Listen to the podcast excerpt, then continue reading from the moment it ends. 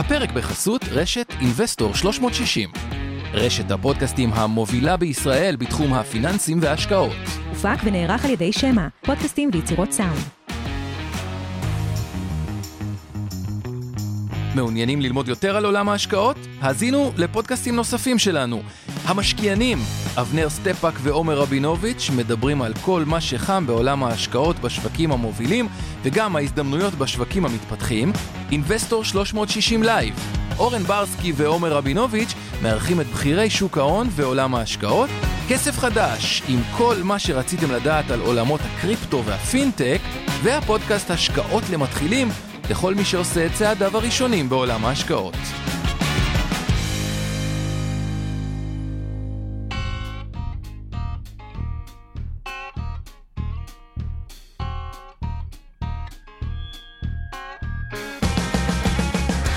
המשקיענים אבנר סטפאק ועומר רבינוביץ' בשיחה חופשית על התחומים החמים ביותר בעולם ההשקעות. אוקיי, ערב טוב לכולם, משקיענים, בדרך כלל זה עומר רבינוביץ' ואבנר סטפאק, היום אורן אה, ברסקי מ Investor אה, על תקן אבנר. כן, אה, אז... ביחד איתי, אז אורן תגיד שלום. פה, ערב שלום לכולם. נעליים מאוד גדולות למלא. נשתדל לעשות את המיטב, ובאמת, אני חושב שאבנר עד היום לא לא החמיץ אה, אף אה, שבוע, אבל בדובאי עם אשתו, אז אמרתי, אז הוא אמר, יאללה. מותר אני- לו, אני- אפשר לפרגן, אבל תראה כמה... כמה- מחמם לו את הכיסא בינתיים. כמה הוא מכבד את אשתו, תראה איזה משהו יפה, אוקיי? כשהוא בנסיעת עסקים, הוא עולה לפודקאסט, הוא לא משנה, הוא היה, עשה בניו יורק, מלונדון, מזה מכל. מקום. דווקא כשהוא עם אשתו, אז הוא ככה, זה זה, ושאפו, האמת, לא, אה, אה, לא מובן מאליו. ונמצאים איתנו פה גיא מאני, מנהל השקעות ראשי מיטב דש, וכן עזרני, מנהל השקעות... חן אה, אמרני. אמרני, גם אחר. אני כבר לא, אתה יודע, יש דברים שאני טועה בהם, וכל פעם אוהב אותי, לא יודע, אצלי זה כבר לא ישתנה, אבל בסדר. אז חן אה, אה, אמרני, מנהל השקעות אה, אה, במיטב, שלפעמים גם אבנר מתייעץ איתו ככה לפני... אה, מהדסק חול, נכון? מה- מהדסק חו"ל, ויש לו ככה. אה, חיסכון ארוך טווח, יש לו תובנות ככה מאוד מעניינות. מאוד חשוב בחיסכון ארוך טווח. מאוד מאוד חשוב, וככה אמר לי, אני לא כזה אוהב לפני אה, קהל, אבל אמרתי לו, תשמע, אבנר, ככה אתה ראיתי את ההערות שלך, ומאוד אוהב את הצורת מחשבה שלך, וביקשתי ש... אה, למרות שהוא לא אוהב ככה את הזה, אמרתי, אתה חייב לבוא. והוא הסכים, אז קודם כל, אה, אחלה קודם כל, ותודה רבה. לא רואים את הקהל, אז זה כבר טוב. אה, אה, אז זה מקל את זה. והנושא היום שלנו הוא גם נתחיל קצת ממקרו, גיא תיתן ככה מקרו, ואז נוצר תהליך סופר מעניין, שזה מה שרציתי שככה חן ירחיב עליו. אה, התלבטנו אם לקרוא לזה בהתחלה התיקון אחד או השחיטה, כי זה היה יותר שחיטה, חברות אה, ענק כמו דוקוסיין, יורד לך ב-40 אחוז ב... ביום, זה לא בדיוק תיקון, זה היה קצת יותר אה, אלים מזה, והמשחק... בין- מרחץ דמים זה. מרחץ דמים, הקטנות שנשחטות, אז זהו, הגדולות, נכון. ופתאום הי- היום כמו היום, אגב, רואים קפיצות של אה, למעלה מחמישה אחוזים בחלק מהחברות האלה. אה, נכון. מאוד מעניין, אבל לפני זה, לפני שתצטור לכל הנושאים מקרו וזה, זריז פינת המכפילים, אתה רוצה לפני המקרו? אוקיי. אז ניתן ככה פינת. ה... אגב, מה שאתה אומר זה באמת, מצד אחד, אה, אתה מסתכל על המדדים, אתה אומר, אוקיי, היו בשיא, ירדו 4-5 אחוז אחורה, אפשר לחשוב. מצד שני, אתה מסתכל על, אה, קודם כל אתה שומע משקיעים, אומרים לך, התיק שלי נחתך, תשואה של שנה, שנתיים הלכו. אה, מצד שלישי, אתה גם רואה סטטיסטיקות, אתה אומר, אוקיי, מדד S&P, מתוך 500 חברות, משהו כמו 370 כבר נמצאות באיזה מינוס 25 מה, מנקודת השיא האחרונה שלהם, והמדד הוא בסך הכל כאילו 4-5 אחוז מהשיא. אגב, יותר מזה, ואני רוצה להכיר לך פה משהו שהוא מטורף, שאני לא אה, אתן נתון שכאילו, ברור שהחברות שעושות טוב ומשפיעות הרבה, אבל סתם תשמע נתון מטורף. אני יודע מה הנתון שאתה הולך להגיד לי, כי אני שמעתי אותו גם. אז, אז אני אגיד את זה אז תגיד. לכולם. אוקיי. שבע חברות, אם אתה לוקח את אפל, מייקרוסופט, אלפאבית, טסלה ואנווידיה ופייסבוק, שהם 50% מהמדד, מהנסדק אתה מדבר. מהנסדק, אוקיי? זה שבע חברות שנתנו באמת תשואה מאוד מאוד אה, אה, טובה, אה, של... אה, זאת אומרת, היום המשקל שלהם הוא הוא 50 אחוז. כמה, בוא נגיד, כמה חברות יש בנסדק, במדד? אה, הנסדק 100, 100, אוקיי. אז אה, 10 מתוך 100, למרות שהרבה פעמים זה- זה- זה זה טיפה יותר, כי אלפאבית, נגיד, יש לך אלפאבית אחד וזה, אבל נכון. אבל לצורך העניין... אה, אז 7 חברות, שבע חברות. מתוך שנייה, 100? בלי השבע החברות האלה, וזה זה הנתון המדהים. בלי השבע חברות האלה, אה, המדד נתן, אתה יודע איזה תשואה? חיובי, הרי הנסדק על עשרות אחוזים, או אני אגיד לך, פחות או יותר flat, לא, מינוס 21 אחוז. מינוס 21. שזה לא, זהו. נתון מטורף. תחשוב, בלי השבע חברות האלה, מינוס 21 אחוז, זה כאילו בלתי נתפס. כלומר, מי שלא היה בחברות האלה, אומר, מה זה השנה הזאתי? נשחטתי, אני גמור, אני גמור נפשית, מה כולם אומרים ש... אני ש- אני ראיתי איזה צילום מסך, שרואים בניין שמתמוטט, כן, נכון. זה ויש רץ- כמה מוטות שרשום אחד על גוגל, כן, אחד אפל אפל. שתומכים בבניין, נכון. שהוא לא יתמוטט. חבל שלא שמנו את זה. אז הוא כמעט מתמוטט לצד השני, למה הם כל כך עלו ב-100 אחוז, זה שכאילו... התמונות של אינבסטינג, שא', יש שם תמיד תמונות אה, מגניבות לאללה, אבל כן, זה רץ, אה, זה היה ממש בול. זה היה התמונה הכי מדויקת שיכלת להגיד. אז, אז בוא רק, אה, שבע מניות הן בעצם במשקל של 50% במדד, והיו אחראיות על, אז בעצם על לא, יותר מ-100% מהתשואה בעצם. כאילו, אתה אומר לא, ברור, שבלעדיהם, בלעדיהם זה היה מינוס זה מינוס 21. שזה פסיכי. אגב, גם ב-S&P עצמו, אנחנו יודעים שהחמש, שש, שבע הגדולות, הן גם בהיקפים של איזה 25-30% מהמדד אחראיות על, על תשואה. יש גם עוד גרף מפורסם שלוקח את ה-S&P 5, לעומת ה-S&P 495 בחמש שנים האחרונות, ואתה רואה ככה, חמש ככה, וה... וזה נכון. הרבה שאלות, האם להמשיך עם אותה אסטרטגיה, הגדולות, הקטנות, זה נדבר אז אחרי זה באמת עם, אה, הנושא שלנו היום, אה, גם חוסר האיזון הזה במדדים, אם הוא יכול להימשך, אם זה חריג, לא חריג, אם זה משהו שהוא sustainable, זה יכול, אם הגדולות מתישהו יתחילו להתפרק גם, חלק אומרים בכלל היום, האג"ח שלי זה אפל. אה, אז- או מייקרוסופט, זאת אומרת שזה גם אז, אה, אז נדבר על זה, אז אה, בוא... גישה, אבל בואו ככה, קודם כל ניתן ככה טיפה כמה מילים. אז נתחיל באמת ככה מהמבחן האלטרנטיבה, מה שאני אה, קורא לו, תגדיל טיפה כאורן, אז באמת, אה, תשואת ארה"ב טיפה עלתה אה, מאז הזה, הייתה ב-1.4, עלתה ל-1.5. בישראל אג"ח מדינה, ואני מזכיר לעשר שנים, עדיין נותן 0.9, שזה כלום. אם אנחנו מדברים על תשואות תחילת שנה, בעיקר S&P פלוס 20 ו... פלוס 22, הנסדק אה, פלוס 23, בערך אותו דבר.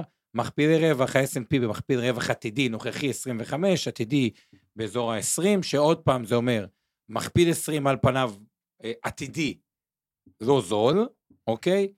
ויחסית לאחוז וחצי של אג"ח אה, ארה"ב לעשר שנים, נראה מאוד מאוד אטרקטיבי, זה בדיוק הנתונים הסותרים שמקבלים. גם הנסדק, מכפיל עתידי 30, אמנם חברות צומחות, לא זול, זה יוצא תשואה של 2.9, ועדיין יחסית לתשואת האג"ח נראה מאוד אטרקטיבי.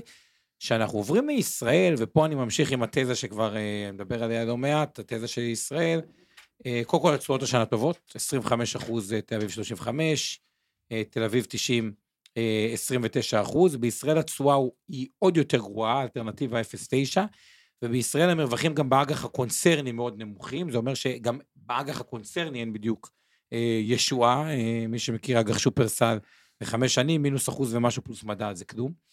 אה, והתזה שלי לפחות לגבי השוק הישראלי, היא הייתה, נשארה די אה, שורית, אני אומר את זה הרבה זמן, חמש טריליון נכסי ציבור, אה, בערך אה, עשרה אחוז מזה, אה, כל השווי השוק, חמש מתוך חמש אה, טריליון, אה, טריליון זה בערך שווי השוק המניות בארץ, קרוב לשתיים וחצי טריליון, זה מטורף, נמצא בפקדונות סלש אג"ח המדינה, אני רואה יותר היגיון שזה יוסט משם למניות מאשר מהמניות לשמה, וקצב הצמיחה של חסכונות הציבור גדל בממוצע בישראל באיזה 6-7 אחוז בשנה, זה אומר כל שנה עוד מחמש טריליון, סדר גודל של אה, 300 מיליארד שקל חדש לחסכונות הציבור, עשרה אחוז מזה הולך למניות בארץ, זה אומר סדר גודל של 30 מיליארד ביקוש כמעט מובנה. אה, ותוסיפו לזה שעד עכשיו ישראל הייתה סיפור כישלון, כי המדד הישראלי בעיקר היה אה, לפני כמה שנים אופקו, טבע, פריגו, אה, פרטנר וכו' סלולר, דברים שהציג תשואת חסר. עכשיו המיתוג של ישראל בעולם, דובאי, הסכם שלום, שיתופי פעולה, קצת אנחנו מדברים על זה Start-Up Nation, וואלה, תל אביב הפכה להיות מותג, תשואות, פתאום רואים את זה שקליות, אנחנו רואים פה הם מהטובות בעולם, תחשבו דולריות זה עוד יותר, ויש תמיד פוטנציאל שגם כסף זר כנס אה. אה, ייכנס פנימה, כבר התחיל לדעתי עם הבנקים, אז זה ככה לגבי השוק בישראל. אה, סין עדיין במרחץ דמים, מינוס 5.6, אינדונזיה פלוס אה, 10 אחוז, וייטנאם שאנחנו דיברנו אותה פלוס 30 אחוז, הודו תשואה חיובית 22 אחוז, יפן לא נתנה כמעט כלום, ובאירופה חצי בערך מהתשואות של האמריקאיות, וגם אין אלטרנטיבה, כלומר, גרמניה אג"ח ארצות אג"ח ארוך מינוס 0.4, בריטניה 0.7.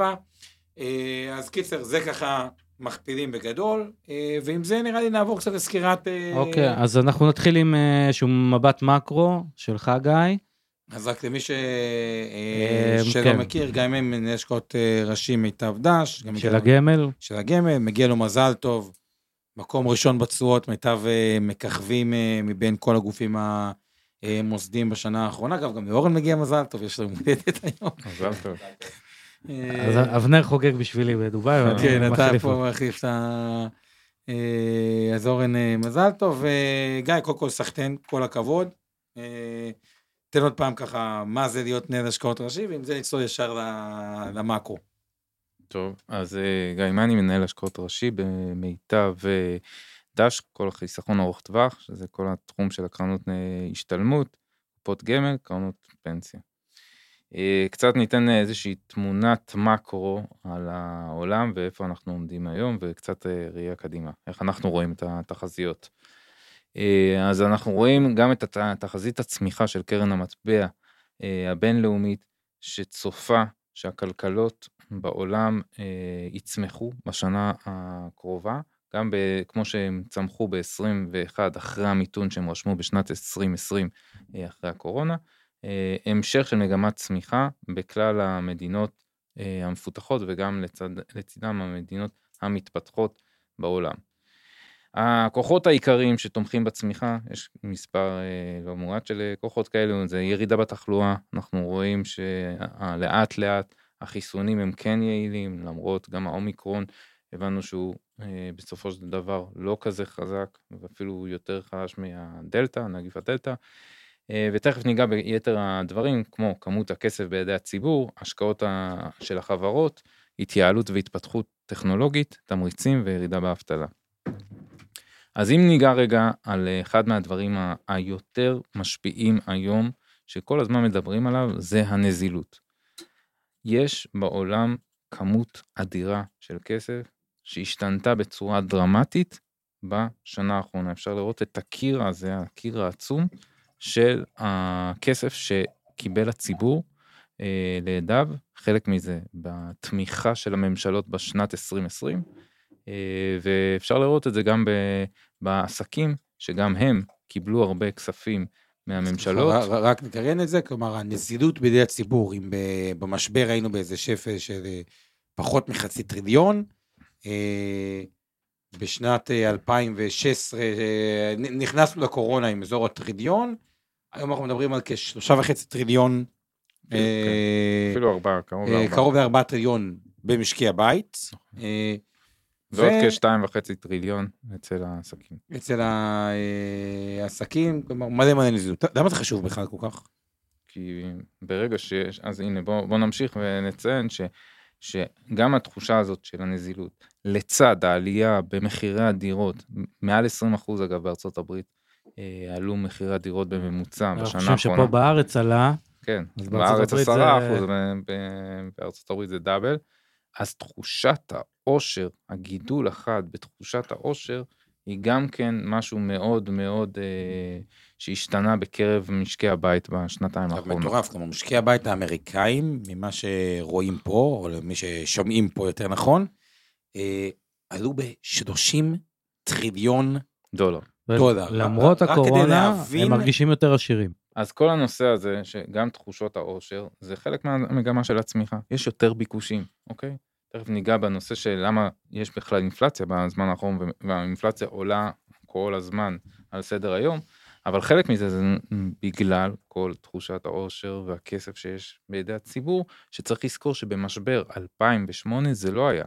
רוב הכסף שהבנקים המרכזיים הזרימו ב-2008 הגיעו לבנקים וחזרו בחזרה להפקדות בתוך הבנקים המרכזיים. הם לא הגיעו לציבור. בשנה האחרונה, כתוצאה מהקורונה ושאנשים ישבו בבית ולא יכלו לעבוד, הממשלות דחפו כסף לאותן משפחות, וגם בישראל ראינו את זה בשנה האחרונה, לפני כשנה וחצי. אה, מעבר לזה, חברות התייעלו והגדילו השקעות. אנחנו רואים את היתרות הנזילות של החברות שהן במגמה של זינוק, גם בחברות שב smp אז רק נקריא את זה לכל שומע הפודקאסט, ה-cash per share, כלומר, ה-S&P משהו מדד עלה מ-2011 היה באזור ה-250 ו-600, כלומר, אה, כפול בעצם. נכון, הייתה פה איזושהי קפיצה. אה, רווחי החברות האמריקאיות גבוהות מתחילת המשבר ב-8% לעומת המצב שלפני הקורונה. כלומר, הרווחיות של החברות עלתה. חלק מזה כתוצאה מהתייעלות, חלק מזה, תכף נראה, פריון העבודה, אבל אנחנו רואים שהמגמה היא של עלייה ברווחיות שהיא אפילו יצאה מהגרף, מהאומדן הרגיל, אה, שזה היה בתקופת המגפה. אנחנו רואים פה את הקפיצה ברווחיות של החברות, שחלק מזה כמובן משתקף במחירים של המניות. אגב, יש שני תזות, מאיזה תזה אתה? תזה אחת באה ואומרת שבסך הכל הקורונה אה, בלונגטרם עשתה מאוד מאוד טוב לחברות, כי זום, פחות נסיעות, התייעלות. הכריחה אותם להתייעל. ובינינו אף אחד לא באמת מתעסק בשיא ההתייעלות שהכל אה, טוב, ותזה אחרת אומרת שאוקיי, הקורונה here to stay, יש בעיה מבנית, יותר קשה, דווקא זה, זה, זה, זה, זה פגיעה, כלומר, תזה אחת יותר מצדיקה את העליות כמשהו סטיינביליטי ארוך, ותזה אחת פחות. מאיזה תזה אתה? הראשונה, אני חושב שהרבה חברות ניצלו את הקורונה גם לעשות התייעלות, ניעור בתוך, ה... אם היה אבטלה סמויה לצורך הדוגמה בתוך הפירמות, אז הם ניצלו את ההזדמנות שהייתה בשנה שעברה ועשו התייעלות. הם uh, עשו הרבה מאוד uh, גידול גם בהשקעות כתוצאה מזה שהם קיבלו הרבה מאוד כסף, אז הם ניצלו זאת ועשו השקעות יחסית חכמות, בעיקר בטכנולוגיה, ויעלו את העסקים שלהם, את פריון העבודה של העובדים שלהם, וגם יעלו את העסקים אצלהם, הפכו יותר טכנולוגיים, ושיפרו את העסקים. אפשר לראות גם את הגידול בהשקעות של החברות, החברות הוציאו הרבה מאוד בשנה האחרונה אה, כסף על השקעות, קאפקס, אה, בעיקר כמו שציינתי בתחום של טכנולוגיה, אוקיי? אה, פחות בתחומים אחרים, אלא בעיקר בעיקר בתחום של טכנולוגיה. ומה אה, מניע את ההשקעות האלה? אז כמובן הטכנולוגיה בעקבות המעבר לפעילות מרחוק, כל חברה, אפילו עסק הכי קטן, צריך להיות קצת טכנולוגי, כי אחרת, בעיקר שהיו תקופות הסגרים, אין לו זכות קיום. אם הוא לא יהיה לו אתר, או דרך שיזמינו את המוצרים שלו, הוא לא היה מתקיים בשנה האחרונה. אז הרבה מאוד חברות רצו בריצת אמוק אפילו לשפר את הטכנולוגיה בקרב העסקים שלהם, ראינו את זה בעבר במניות של וויקס ופייבר, כל החברות שרצו שישפרו להם את האתרים. מחסור בעובדים אז גרם לא, לאותן חברות ליצור אוטומ, אה, אוטומציה, אה, וזה גם כן סוג של CapEx שנדחף לתוך אותן חברות. אה, חזרה של המפעלים למדינות המפותחות גם כן יצרה השקעות, הרבה מפעלים על רקע משבר, אם שמעתם על הנמלים והפקקים בנמלים, אז הרבה אמ-, אמרו, אוקיי, אז בואו נשים חלק מהמפעלים בבית אצלנו, בארצות הברית, במקום בסין, למשל. אז זה סוג של השקעה, להכניס הרבה גידול השקעות בהקמה של מבנים ומפעלים אה, שונים. מלאים בתקופה של הקורונה ירדו בצורה מאוד מאוד חדה, זה גם מה שאחד מהם שהשפיע על המחירים, ולכן חברות בתקופה האחרונה מגדילים מלאים מחדש. אה, ועוד כמה סיבות כמו אקלים ו-ESG שמאלצים גם חברות קצת יותר לנסות שינוי בתחום של ה-ESG ולהיות הרבה יותר ירוקות. השקעות של הממשלות בארצות הברית ובאירופה מאוד מאוד מסיביות, לצורך הדוגמה התוכנית של ביידן אה, שהוכרזה לאחרונה גם באירופה. אז כל אלה גורמים לחברות לעשות הרבה מאוד מאוד השקעות. ולצד זה כמו שציינתי במשבר אה, ראינו עלייה בפריון, אנשים יותר רואים אה, מחויבות מסוימת והעלו החברות את הפריון של העובד הספציפי.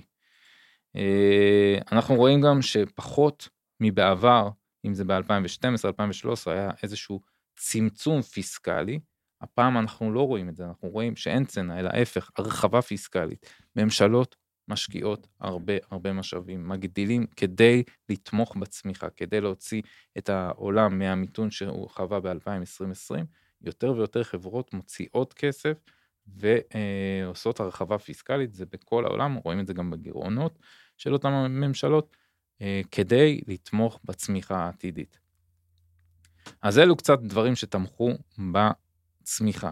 עכשיו, מה הסיכונים בפני העולם שעומדים היום בעיקר?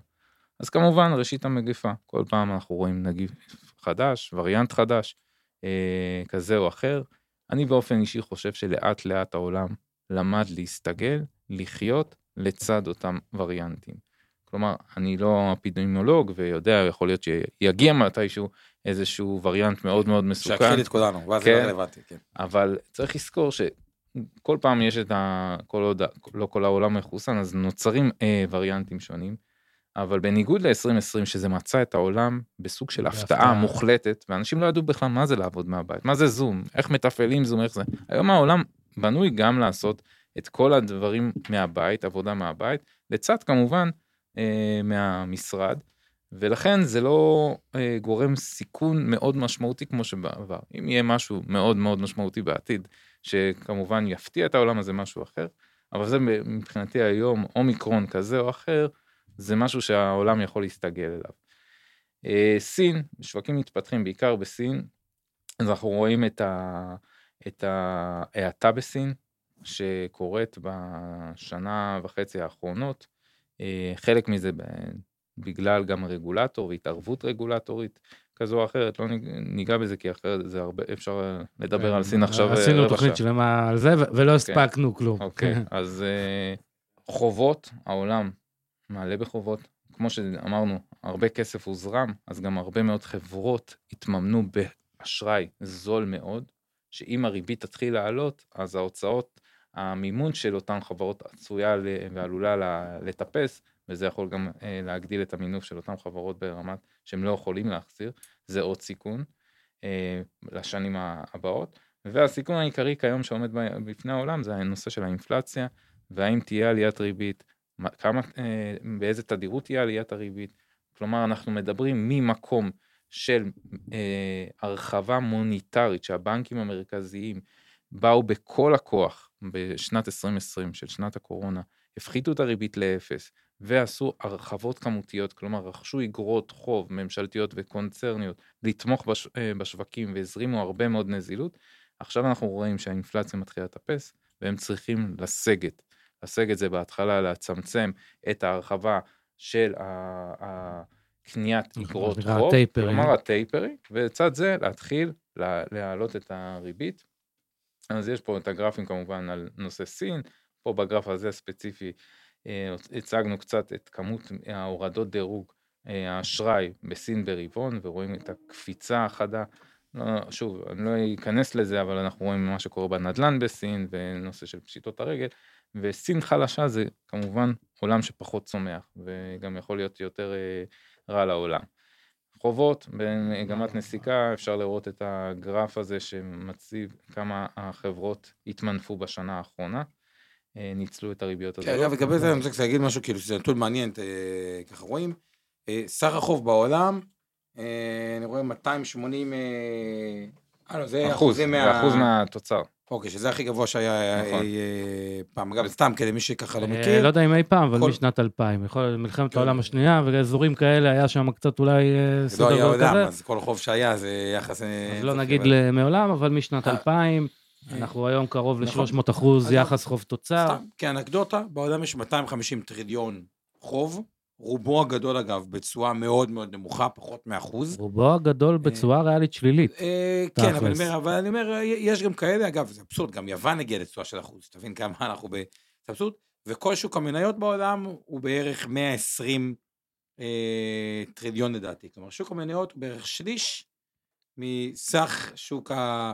ברור שגם זה מעלה תהייה, האם יש יותר היגיון שמנהלי השקעות ודברים כאלה יגדילו יותר את המניות על חשבון אה, אה, אה, החוב או לא, אבל נשים את זה רגע בצד, נמשיך רגע במצגת מקרו. אז הסיכון העיקרי רק זה שאותם חברות צריכים באיזשהו שלב כמובן כל הזמן לגלגל את החוב הזה. זה. והשאלה באיזה ריבית הם יגלגלו. כרגע הריבית היא יחסית מאוד נמוכה וקל לגלגל אותה. בעתיד, אם. הריבית תעלה, זה יהיה להם יותר אה, בעיה. קושי, גם לא רק לגלגל, אלא מבחינת ההוצאות המימון שלהם. אה, הגורם העיקרי היום שאנחנו רואים שהוא הסיכון העיקרי, ופה זה שאלת המיליון דולר, זה האינפלציה, שהיא כמובן במגמת עלייה כמעט בכל העולם, גם במשקים המפותחים וגם במשקים המתפתחים, אה, ב-emerging market. אה, ואנחנו רואים את זה כמעט בכל מדינה. הברית, אם בעבר שבעה לסדר גודל של 2% אינפלציה, היום אנחנו מדברים על סדר גודל של שנה אחורה כבר מעל 6%. אה, וזה לא רק באינפלציה של הסחורות, אלא זה גם, גם נוגע לאינפלציה המבנית. לא, לכן כל הנושא הזה של אינפלציה אה, טרנזטורית, אה, זמנית, זמנית. שהפד כל הזמן דיבר עליה, וזה יותר בעיה של היצע.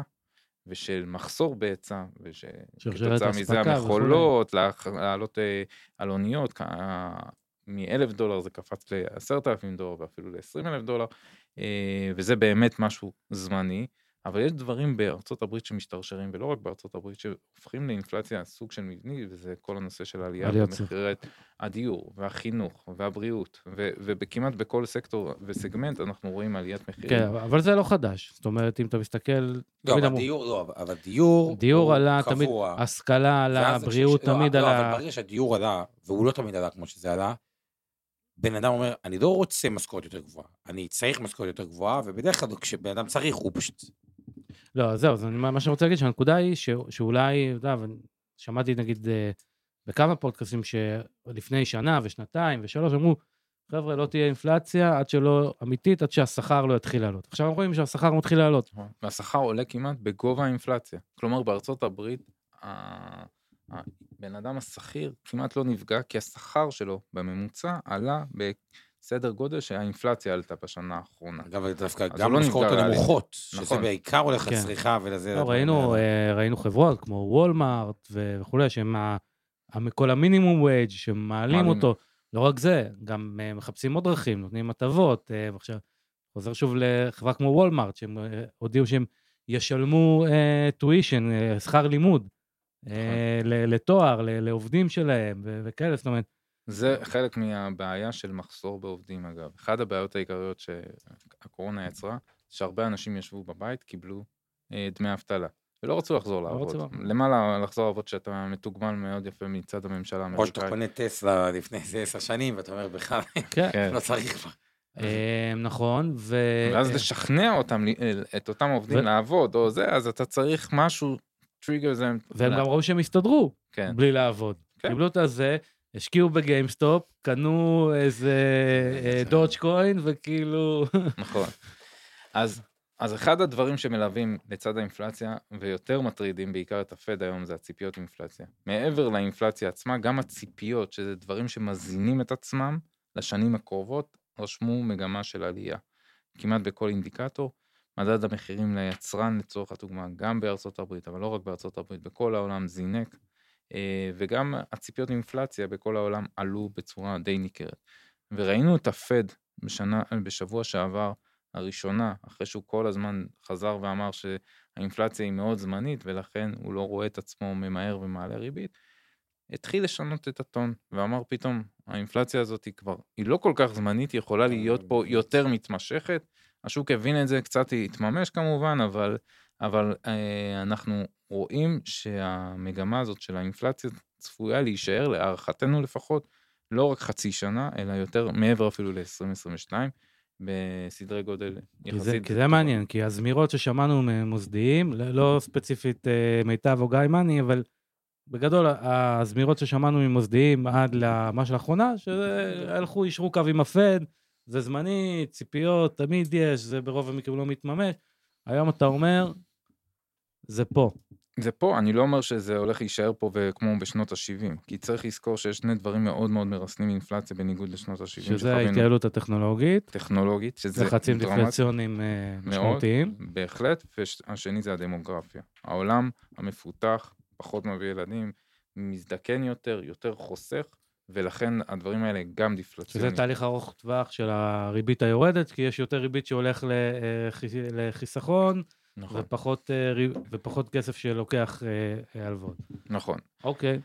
אבל פה הצגתי קצת את השקף, למה האינפלציה יכולה להיות לא כל כך זמנית, אלא קצת יותר ארוכה. אני לא אומר עשר שנים, אבל על פני לפחות שנתיים שלוש. אחד זה ביקושים שאמרנו מאוד חזקים, ראינו את הכסף שבידי הציבור. שוק עבודה מאוד הדוק, קשה מאוד למצוא עובדים, ולכן מגמות השכר בו הולכות ועולות כל הזמן. ציפיות אינפלציה, כמו שציינו וראינו בגרף, אה, עלו, וזה בדרך כלל מזין את עצמו. ויש פה גם אה, נושאים נוספים, כמו שיקולי יעילות מול האמינות של האספקה, אה, האם לעלות, אה, לשלם את ה-20 אלף דולר למכולה או לא לאותה חברה בשביל להגיע, שהסחורה שלך תגיע. עלייה ברמת השכר במדינות מתפתחות, גם כן, יש קפיצה מאוד מאוד משמעותית, ולכן יש התייקרות, כי אם המפעל בסין פתאום העלות שכר של, של אה, העובדים שבאותו מפעל זינקה. אז כמובן גם יש התייקרות עבור המוצרים שהוא מייצא אה, למדינות המפותחות. אה, וכמובן גם המסחר באינטרנט הפך ליקר יותר מבעבר.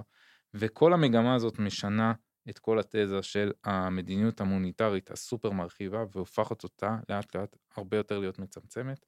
ראינו את זה בלא מעט אה, כלכלות בעולם, ניו זילנד, אה, צ'כיה, פולין, כמובן בברזיל וביתר מדינות המתפתחות, העלו ריבית. כרגע הפט כמובן עוד לא העלה ריבית, אבל מתחיל לצאת שהוא יגביר את קצב הטייפרינג וצפוי אולי כבר לעלות ריבית במהלך אמצע 2022, זו הערכה שלנו לפחות, שבאמצע 2022 הפד יתחיל לעלות את הריבית ולא תהיה פעם אחת ב-2022 אגב. בגלל אותה אינפלציה. שאגב, המינוי של אה, יושב ראש השופט פאוול לעוד אה, קדנציה, כאילו היא דווקא אישרה לשוק שזה מה שהולך לקרות, כי כן. הוא, הוא עכשיו... הוא יותר רחוק כשנתפס הוא לא מפחד, כאילו, נכון. כן, הוא עכשיו קיבל את המינוי, יש לו עוד ארבע שנים, הוא הולך על זה. כן, ו...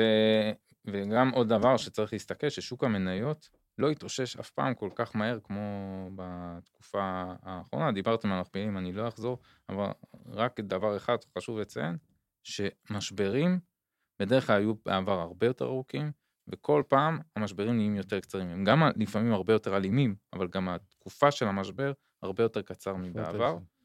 אה, למה אנחנו עדיין חושבים שהמניות עם אלטרנטיבה טובה. כי עדיין, כמו שציינו, יש התייעלות בקרב החברות, הרווחיות של החברות ממשיכה לעלות, וגם בתקופה של עליית ריבית, זה לא אומר שבורסות חייבות לרדת.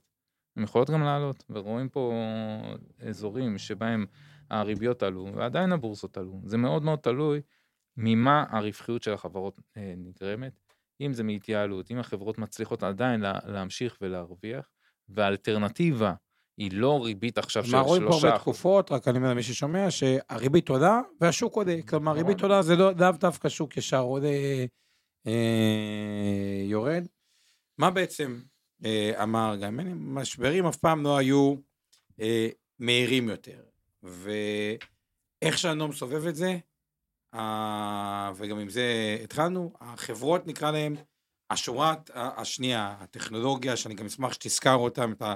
השמות המרכזיים, נחתכו מאוד מאוד מאוד חזק, אגב, ספציפית היום קצת אה, עולים אה, חזק, אבל האם זה באמת הזדמנות או לא הזדמנות, או בכלל, למה הם נחתכו כל כך אה, חזק, גם הגדולות, כלומר, לעשות דווקא סדר בכל העולם של מניות השורה השנייה, וגם ביקשתי ממך ככה קצת תזה שלך לאזור אחד שלדעתך הוא אה, מעניין טיפה להרחיב.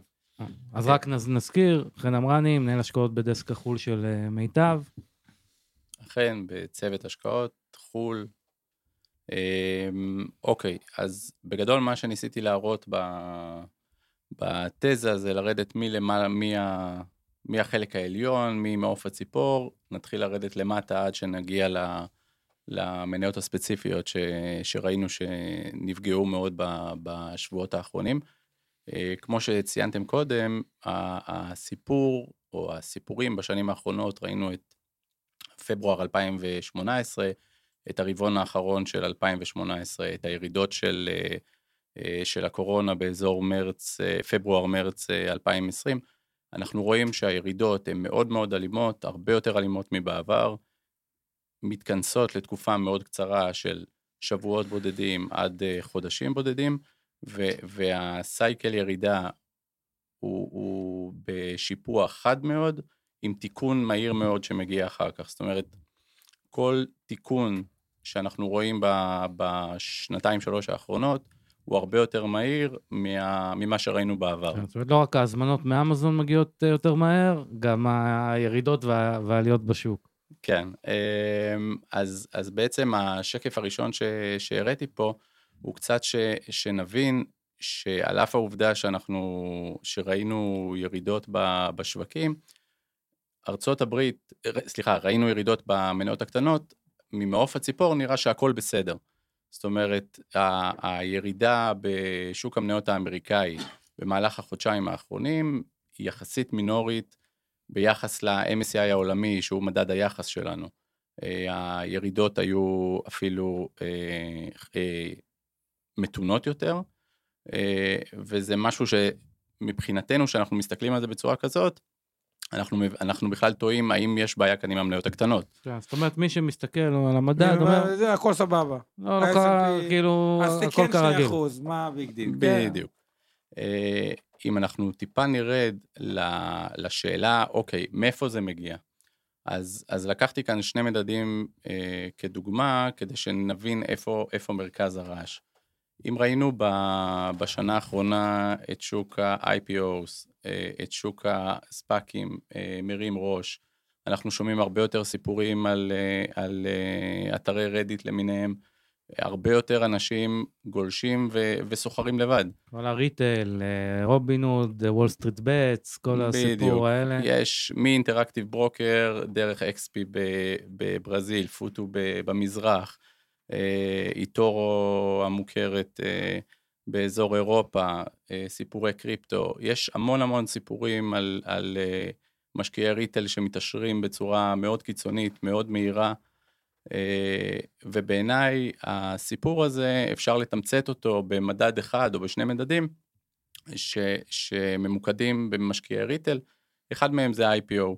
האסטרטגיה הידועה, אנשים נכנסים ביום הראשון, אם, אם אם יש להם את הגישה, ברוב המקרים כמעט ואין גישה למשקיע ריטל להגיע ל-IPO, בוא נגיד ככה, אם יש למשקיע ריטל את הגישה להגיע ל-IPO, עדיף שהוא יברח כמו מאש, כי ככל הנראה אה, משקיעים מוסדיים לא יתקרבו, וזה בסופו של דבר הכסף המשמעותי בשוק הזה. אז כמו שאתם רואים במדד של ה-IPO מול ה-S&P, הירידות איפשהו באמצע חודש נובמבר אה, התעצמו אה, במניות הקטנות או במניות אה, כמה זה IPO. התעצמו? כמה זה מתחילת השנה, מינוס כמה? אני לא זוכר מתחילת שנה על כמה מה- מה מדובר? אבל פה, פה זה מאמצע אוקטובר, אה, סליחה, מאמצע נובמבר, הם ירדו בערך 17 אחוז. שזה לא מעט. 17%. שזה המון, שזה המון, אה, כמובן, חצי חודש, כאילו. כן, כן, אנחנו מדברים בסך הכל על שלושה שבועות, כמובן לא כולל את היום שאנחנו רואים כבר אה, תיקון אלים. אה, אגב, תיקון, תיקון אלים. בוא נחדד. רגע, למה אתה משווה את זה למדד ה-IPO? מה זה מייצג? בסופו של דבר, שאני שואל, אז, אז קודם כל רגע, מבחינת מדד ה-IPO, הוא מחזיק במשך שנתיים חברות שעשו IPOs ב- בארצות הברית. אה, יכ- יכלל- יכללו בפנים חברות כמו DocuSign, ש- שעוד מעט נגיע ל- לסיפור הזה, Elastic, Monday, Monday, Snowflake, JFrog, בדיוק, חברות בעלות סטיות תקן מאוד אה, גבוהות, למונייד. בדיוק, הרבה חברות ישראליות. כן, זה גם המדד הכי חשוב, זה מדד מחירי הדיור בתל אביב. אכן, אה, עשרות אלפי ישראלים ש- שהופכים אז- להיות מיליונרים אז בגיל חודש צעיר. כזה זה מה שנקרא, המסעדות ריקות בתל אביב. זה מה שנקרא. אח, כואב לי באופציות. כן, משהו כזה, אך...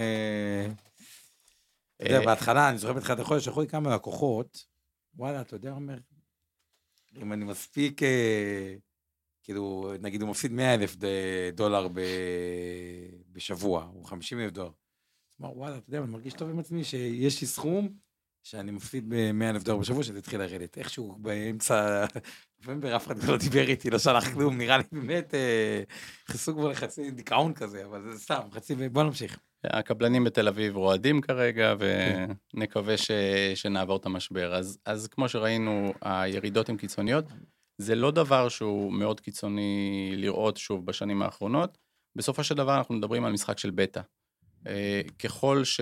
רק בשביל להסביר את המונח. את המונח של בטא, אה, מונח הבטא אומר, אה, על פי ניתן דוגמה, מניה שהיא נניח בבטא 2, זה אומר הבטא 2 היא נגזרת של שוק המניות של נניח S&P, זאת אומרת שכששוק המניות יעלה בחמישה אחוזים, אם היא בטא 2 הוא צריך לעלות בעשרה אחוזים, ואם, ואם השוק יורד בחמישה אחוזים, הוא צריך לרדת עשרה אחוזים. שאגב, אבל המדד IPO, היסטורית, הוא מתחת ל-S&P. לא. לא? בשנים האחרונות, המדד לא, IPO, בשנתיים, שלוש האחרונות הוא כאילו נכון, מעליו, נכון. אבל אם מסתכלים עליו מהיום שהתחילו את התעודה הזאתי, אה, תראה, בסופו של דבר מדד רנסאנס, אה, כמו שאתה אומר, הוא תקופה יחסית קצרה, הוא בערך שלוש שנים. הביצועים שלו הם ביצועי יתר יחסית משמעותיים, אבל באינטרוול זמן מאוד קצר. זאת אומרת, איפשהו באזור אה, אמצע השנה שעברה לאמצע מאי, ראינו, ראינו עלייה מאוד חדה, כן. הרבה יותר חדה משוק המניות. טוב, היה חגיגות הנפקות, אה, לחלוטין, כן, וזה, רובינות, וזה, קוינבייס, כל ה... קפצו. כן, אה, הם, הם לאו דווקא ייהנו מכל החגיגה הזאת, זאת אומרת, הם בדרך כלל ייכנסו בלג הראשון שיבוא אחרי ההנפקה, זאת אומרת, אם, אם, אם המדד, לדוגמה, מכיל 300 מיליון דולר, והוא רוצה עכשיו לקנות אה, 2% מקוינבייס, לא תמיד הוא יקבל את זה בהנפקה. הבנתי. אה, ובגלל זה הוא צריך טיפה להיות באיזה לג מסוים. אה, מה, ש, מה שהצגתי פה זה בעצם לנסות לחלק את, ה, את, ה, את השינויים ברמה הסקטוריאלית בין ה mega cap, שבעצם לקחתי את העשירון העליון או את החברות הגדולות ביותר בתוך, ה, בתוך המדד. זה מה שהגדרתי אותם כ mega cap, לצורך העניין, אה, Communication Services, אז, אז אנחנו נכניס כאן את אה, גוגל, את, אה, את אה, פייסבוק, הידועה בתור מטאוורס, והום דיפו. ובמיד קאפ לקחתי את החברות שנסחרות בשווי שוק של 20 עד 50 מיליארד דולר. אה, ובדקת בעצם את הפערים ביניהן, פערים מטורפים. מה הם עשו מתחילת, אה, מאמצע נובמבר בערך? מינוס בדיוק. 669, ב-IT אגב, שימו לב לזה, מה שנקרא, רגע, רק מה שנקרא, זה בעצם המומנטום בתוך בסופו של דבר, הסקטור, איפה, המ- בדקת את המומנטום, בסקטור ה-IT, בגידולי החברות, המגה קאפ בכלל עלו 2.44, המיד קאפ אני רואה ירדו ירדו את בתשע. 9 אחוזים. זה דווקא בפייננשל, שזה הגיוני, שם פחות... אה, פחות הורגש. זהו, יש סקטורים, בדרך כלל הסקטורים הסיקליקליים או הדפנסיביים, כן. ככל שיהיו שם פחות חברות, אה, חברות חלום או, או חברות בעלי, בעלות סטיות עם- תקן אה, עם גבוהות, ש- שיעורי היוון אה, שמשפיעים. בדיוק, כי, כי בסופו של דבר, אה, ה- מה שראינו ב- בחודש האחרון, זה שינוי קאפים לתמחור המניות. בסוף, החברות של המידקאפ שאנחנו, שאנחנו שמים עליהם את הזרקור כרגע, אנחנו מדברים על חברות שהן חברות חלום, שהתמחור שלהם הוא לא DCFי, הוא לא SOTP, אתה מכפיל מכירות, מה מכפיל מכירות. ואם אם נהיה יותר מדויקים, אם לפני שנה וחצי ושנתיים היינו רגילים לשמוע על חברות של מכפיל מכירות 10, זה היה נשמע לנו מופרך והזוי, היום אנחנו כבר רואים חברות של 40 קח את למונד, מכפיל מכירות 50, משהו... לא לא בטוח, כן? וזה כן. עוד לפני, וזה עוד הם- לפני שאנחנו לא רואים שם רווחים. מה זה, הם מכניסים, הם אה, בערך 7 מיליארד שווי שוק, משהו מהמם. כזה, עם הכנסות של אה, 80 מיליון דולר. כן, כן, אה, אנחנו רואים המון המון סיפורים כאלה של, של חברות שאומרות, אנחנו רוצים לשנות את, ה, את עולם. העולם. אה, אגב, נראה עוד מעט את אפסטארט, לדעתי מתישהו היא, היא עלתה גם לדיון. היא גם נחתכה באיזה, בכמה כן, ימים. סדר גודל של 40 אחוז בתקופה. קצרה. בסוף, מה זה השקעות? אוקיי, הרבה באים ואומרים, אה, ודיברנו על זה לא מעט עם כל מיני מנהלי השקעות אה, ראשיים, וגם אנחנו, זה סדר גודל של לקבל במהלך עשור שלוש-ארבע החלטות אסטרטגיות נכונות. כלומר, למעשה, אם עשו הכל למי שהיה בארוך, באג"ח, אז הוא הביא חלק גדול מהתשואה אה, אה, העודפת. ההחלטה, נגיד, במיטב, נגיד, ללכת לאלטרנטיבי, בין היתר שמו אתכם במקום הראשון, וגם, אגב, מי שהלך לטכנולוגיה, כנראה שעשה תשואה אה, עודפת, מי שעבר במשבר אולי לבנקים או סקטור פיננסי בישראל ספציפית, היה מאוד טוב. ונשאלת השאלה עכשיו, שמגיע משבר, שהוא בכל התזה דווקא של המניות, נקרא לה השורה השנייה שהן הפוטנציאליות החברות הגדולות, נקרא לזה, אה, ועוד רגע נדבר על לא מעט מניות, אבל כמו סקוויר, ומדי, וסילימיטד, אה, וסיילספורס גם שנחתכה חזק, למרות שהיא קצת יותר אה, שייכת למגה פאל. האם זה חלק מיציאת אוויר של משהו שהיה מאוד מאוד יקר ועדיין לא הגיע? אז מה, שבאמת אתה רואה פה הזדמנות. נמשיך טיפה רק, אוקיי. רוצה ככה לעשות ככה שיהיה קונטסט, בסופו של דבר, שרואים אותם מכפילי מכירות גבוהים, עדיין גבוהים היסטורית, אבל אחרי ירידה כזאת, הזדמנות או לא הזדמנות מבחינה אסטרטגית, אבל בוא ניגע בזה כן. בהמשך. אין בעיה, אז, אז בשקף הבא הוא קצת מדבר על מה שאתה, על מה שאתה מציג פה. בעצם אני לוקח כאן שלושה מדדים. המדד הראשון הוא אה, S&P 100, לא ה-500 שאנחנו מכירים, ובעצם ממנו מוציאים אך ורק את החברות טכנולוגיה. זה בעצם יקביל בצורה מסוימת מבחינתנו למדד, ה, למדד הנסדק, החלק הטכנולוגי שלו. אז אה, זה המדד הראשון, המדד השני זה בעצם שהוא ה-S&P מה הוא נתן? 300 אחוז בתקופה של חמש שנים, אוקיי. אה, קרוב לחמש שנים. אה, המדד השני זה ה-S&P, זה ה-S&P הרגיל, S&P 500 בשביל שיהיה לנו איזה, איזה זה אה. נקודת אחיזה שנוכל להבין. שהוא כמה נתן? נתן לפי מה שאני, 124 אחוז, לא כולל את העלייה של היום, שהיא יחסית משמעותית. והמדד השלישי הוא בעצם S&P 600, שזה מה שנקרא המדד המידקאפ, וגם שוב ממוקד על חברות הטכנולוגיה בתוך המדד הזה. וכמו שאתם רואים, על אף העובדה שאם אם הייתם צריכים לנחש עכשיו, הייתם מעריכים שככל שנרד במדדים, עדיין נראה שמדדי הטכנולוגיה הם יהיו המדדים היותר טובים, ולפעמים הם יכפרו על המדדים שאנחנו יודעים שהם מוצלחים יותר, כמו S&P 500, נעריך שבמידקאפ הוא יעשה טוב יותר מ-S&P 500, ואנחנו רואים שפחות או יותר הוא נותן תשואה דומה. כמובן שאנחנו יכולים לעשות את ההקבלה הזאת גם לדיסקרשנרי, שנמצאת שם בעיקר אמזון וטסלה, שההשפעה שלהם היא משמעותית, אה, או, או מדד התקשורת, אה, שכולל את גוגל ופייסבוק, שכמובן לאורך השנים האחרונות, הוא, א', הוא מהווה סדר גודל של 40% מהמדד, אבל הוא גם, הוא מהווה אה, אה, תשואה משמעותית מעל, ה, מעל ה-S&P. אז, אז זה איזשהו קונטקסט להכניס, שבסופו של דבר אפשר תמיד לרדת, לח, לחפש אה, אה, יהלומים מעניינים במניות הקטנות, אבל צריך תמיד שזה יהיה בקונטקסט של תיק שלם, עם פיזור סיכונים, וש... זאת אומרת, מה שאתה בעצם אומר לנו, לא- שורה תחתונה, הגדולות פה, הם, אה, הם הביאו את ה... בסופו של דבר, אנחנו רואים את זה אגב לא רק בארצות הברית, אנחנו רואים את זה כמעט בכל מקום בעולם. אה, אני חושב להוציא, להוציא את ישראל עם, דווקא- סיפורי טבע אה. ו... נכון. אה, טבע ובריגו. מיילן שהייתה, אה, שלחצו פשוט את המדד כלפי מטה, והדרך לנצח את המדד היה להחזיק בנקים ו... ויתר. בתל אביב 90 או, או יתר.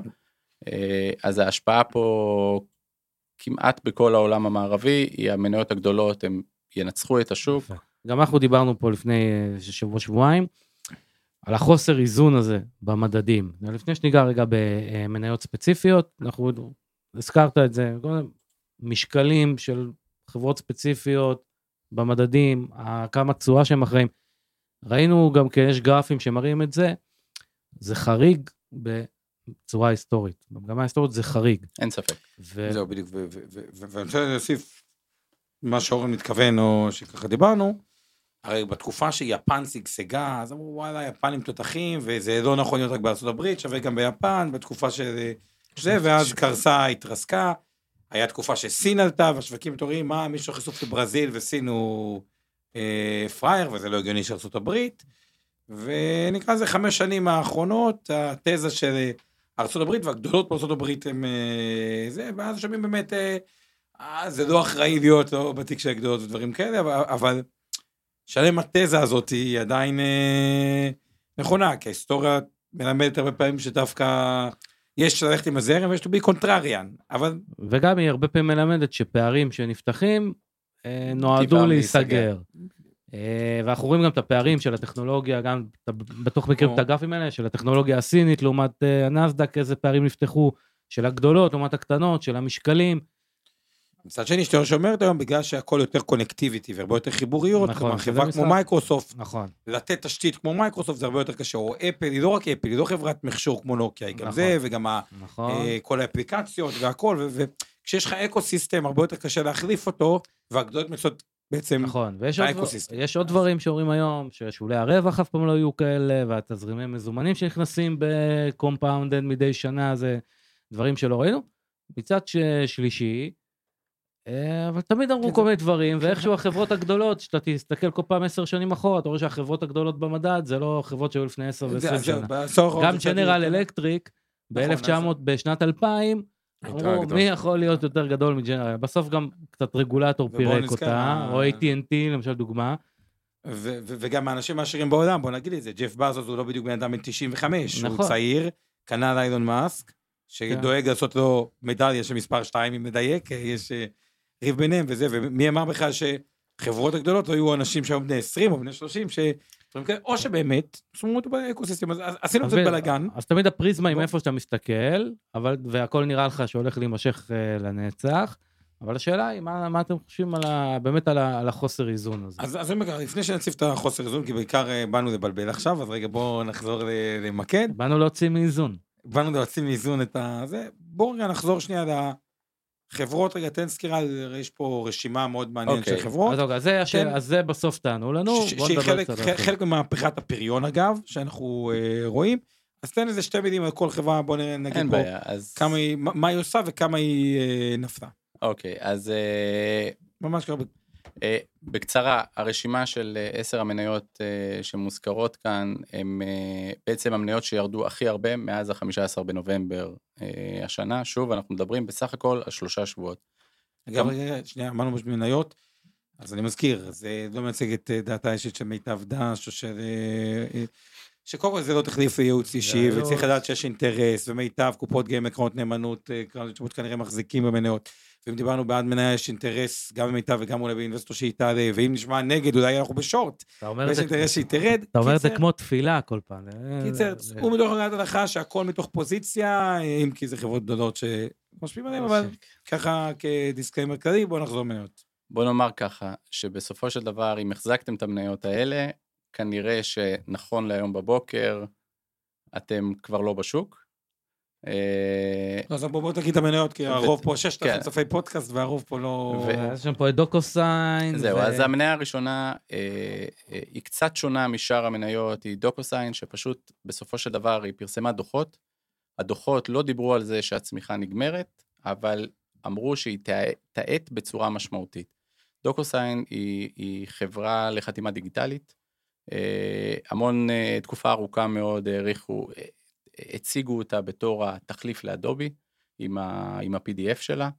אה, סיפור מאוד מעניין, סיפור חכם הרבה יותר מה-PDF הפשוט, החתימה שלו היא, היא נחשבת אה, אה, תו איכות ב- בעולם היום.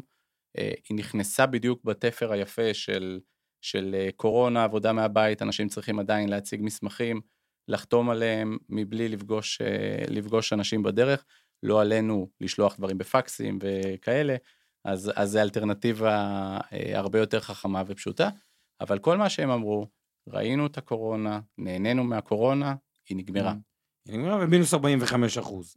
וכמעט הכל הגיע ביום אחד. אלסטיק שבקצרה ירדה מינוס 39 אחוז, מה הם עושים? אה, אה, big data, ניתוחים של big data. אה, QS, QS זה חברה בתחום ה-EV. אלקטריק רכב אה, חשמלי. כן, חברה טכנולוגית שמעריכה שאפשר לשנות את הטכנולוגיה שאנחנו כרגע קולטים את ה-EV. אה, לא משהו שצריך להתעסק איתו עדיין יותר מדי. ירדה מינוס 38, דש, דש, לא. דור- אגב, דורדש שקנו את וולט, מזל טוב לישראלים שעובדים בוולט, אני לא יודע מה שליחים קיבלו בכסף מזה, אבל אה, מהבחינה הזאת מינוס 33 אחוז, כן. טוב, זה האוכל וולט. זהו, דו- דורדש היא, סיפור מעניין, כי בסופו של דבר, אנחנו רואים בערך חמש או שש חברות בעולם הזה, מאובריט, דרך אה, דורדש, האירו האירופאית, אה, כמובן אה, מיטואן אה, בסין וכן הלאה. אה, שוב, זה עולם שנהנה מאוד מה, מהקורונה, מהסגרים. אה, ואנחנו רואים שהירידה כאן, זה, מפתיע יותר, הירידה של 33 אחוז, היא בתוך תקופה שאנחנו מדברים שוב על חזרה של אנשים לבית, עבודה מהבית, הזמנות, אני, אני רוצה עכשיו אה, משלוח מהסופר ורמי לוי לא מאפשר לי את המשלוח הזה, אז אני יכול להשתמש בפלטפורמות שכאלה, אה, לשלוח את ה... לעשות את המשלוח, ו, והערכה בשוק, שאם ראי, אנחנו מכירים שש, שישה שחקנים בעולם הזה, שאנחנו כנראה נתכנס לאזור האחד או שניים, שהוא יהיה הרבה יותר רובוטי מהעולם הנוכחי, אה, שזה שאלה מעניינת לעולם אה, אוקיי, וולט. אז זה ככה, אה, לנו זה אה, דיברנו טלדוק. עליו מעט, אבל סוג של כן. הזום לרופאים, זום כן. מכירים. זה טלדוק האמת, אם אני כבר הייתי צריך את השירות שלהם, שכל יום הייתי רואה איך היא כן, לא- לא לא מפסיקה לרדת טי-דוק כבר. החליטה, תעשו לי? מנוי, תנו לי לדבר עם רופא. בגלל רוצה יותר צמיחה, מה נעשה להם התקף לב, וכל המשקיעים שלנו יהיה יותר כן. צמיחה. מינוס 30 אחוז, זום, טוב, אין צורך להגיד מינוס 30 אחוז, ביל במידה מה הם עושים. איזה חברה ל- לעזרה לעסקים להפוך את השירותים שלהם הרבה יותר אה, טכנולוגיים ולקצר את זמן העבודה. זה קצת מזכיר את מאנדיי בצורה כזאת או אחרת. אוקיי, מינוס 28 אחוז, קלאודפלר, שאגב, גם יש עוד חברה דוקן, שהם סוג של, אה, איך היינו מגדירים את זה, מתחרים באמזון, בענן, אה, מי? איזה חברה? קלאודפלר, כל התחום של... לא, אבל על איזה חברה אמרת שמתחרה באמזון? לא, יש גם חברה דוקו. אה. ד- דוקן שדווקא... זה, אבל קלאודפלר, מידע מה היא עושה? Cloudflare זה חברת cyber security. היא בעצם יודעת לבנות חומות ב- באזורים שאתה לא רוצה גלישה בהם. זה, זה אחד המוצרים, יש להם כמה וכמה מוצרים, זה, זה המקור של, של העניין שהיא ייצרה. אה, אם אתם מכירים או לא, בסין הרשתות אינטרנט הן לא מקבילות לרשתות האינטרנט העולמיות. אה, אני וגיא היינו לפני שנתיים אה, בסין, קשה מאוד לגלוש על פלטפורמות שאנחנו מכירים אותן. אם זה, אתה רוצה להיכנס עכשיו לגוגל, הנה, גם אבנר בדובאי היום אמר שהוא לא יכול... אה, אין אה, וואטסאפ, כן. אין לו פייסבוק, הוא לא יכול להיכנס לפייסבוק. אה, באמת? אז, כן, אז בסוף, אז. בסוף, בסוף החברות האלה יודעות לבנות את חומות האש שיעצרו אותך מה, מהגלישה ב... אגב, אנחנו לקוחות של קלאודפלר, אם אתה יודע או לא, האתרים שלנו גם יושבים שם, לא יודע, בשרתים, או שיש איזושהי הגנה שלהם או משהו. יש לנו משהו עם קלאודפלר. לפחות אתה לא, לא לקוח של NSO, או לא, אה, מושא הרצה אני של לא NSO. יודע. אה, יוניטי, יוניטי החברה הבאה, אה, זה חברה שפורחת עכשיו על אה, סיפורי המטאוורס. בדיוק, הם מייצרים פלטפורמה למשחקים אה, ב... אה, הם מייצרים בעצם משחק מורכב מהחלק הוויזואלי שלו ומהחלק הטכני שלו. בן אדם צריך ללכת מנקודה לנקודה, אז זה המון המון קטעים טכניים שהם בונים את המנוע הגרפי שחוסך ל... כן, אז ל- הרבה משחקים סטודיו. באוקולוס ובכל ה-VR בנויים על התשתית שלהם. בדיוק, יש, יש בגדול שלושה שחקנים, שניים מרכזיים, יוניטי הוא אחד מהם, השני זה, ה, זה הפלטפורמה שעומדת מאחורי פורטנייט אה, של טנסנט, הם השני ראשים הגדולים בעולם ל- לפיתוח אה, מי. השלישי? אה, אוטודסק, עוד- החברה האמריקאית. ואפסטארט, מינוס שזה 24 אחוז. אה, יפה, מסתכלים על הרשימה הזאת. זה ה-S&P לעומת הראסל באמת מתחילת שנה, שאני מסתכל על הרשימה הזאת, אבל רגע, פלוס למעלה. 25 אוקיי. ל-S&P, פלוס 10 לראסל. אגב, אני רוצה גם להוסיף עוד חברות שם להגיד, כמובן יש את פייבר ומאנדיי וויקס, כל החברות אה, אה, השורה השנייה. האם בככה, אה, באופן גס, האם לדעתך זה, ואי אפשר לדעת לדעתי, זה יותר אה, אזורים שפשוט היה בהם קצת תמחור יתר אה, משמעותי, ועכשיו שמבינים שאין קורונה, אז בעצם אין שום הצדקה לטרפת מכפילים שהייתה שם, או שזה באמת חברות מעולות, אגב, הן באמת מעולות, וכאילו לא צומחות, הזכרנו גם חברות כמו טווילו ודברים וטווילו. דומים, ש... שיש בהם ירידה, וראינו אגב בסקוויר שנתנה 3,000 אחוז, כשעמדת על הרבה פחות, כל פעם שהיה בה ירידה, חזרה למעלה ו... אה, והתפוצצה. האם זה הזמן, מי שחיכה כאילו להיכנס בהם, או שכל מה שאמר גיא, מקרו, אינפלציה, דברים כאלה, יש אה, אזורי מלחמה אחרים שאולי בכלל באזור הערך, כן. דברים כאלה, ולחכות לשחיטה האמיתית שאולי תגיע, אגב, ואולי לא, צריך להגיד שיהיה פספוס.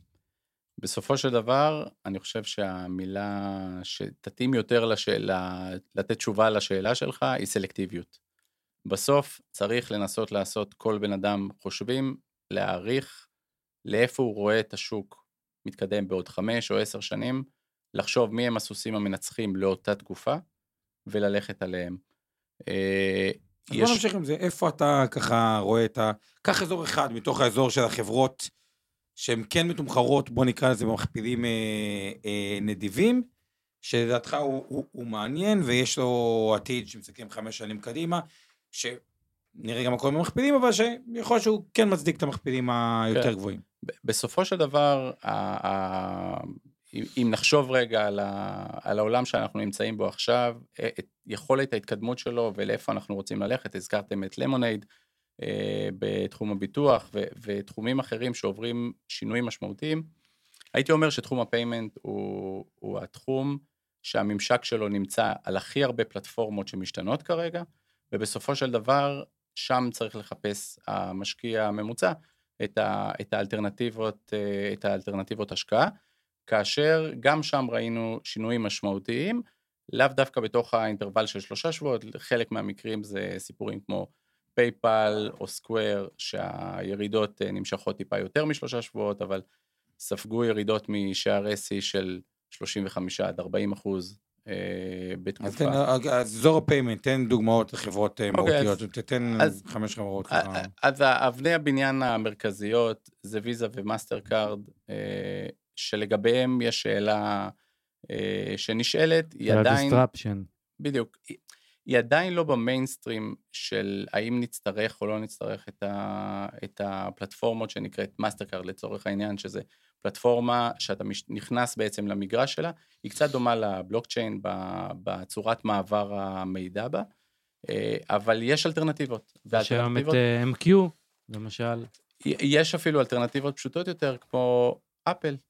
אתה, אתה מתעורר בבוקר, אתה משתמש בפלטפורמה, נכנס ל, לעולם של אפל, עם האפל פיי.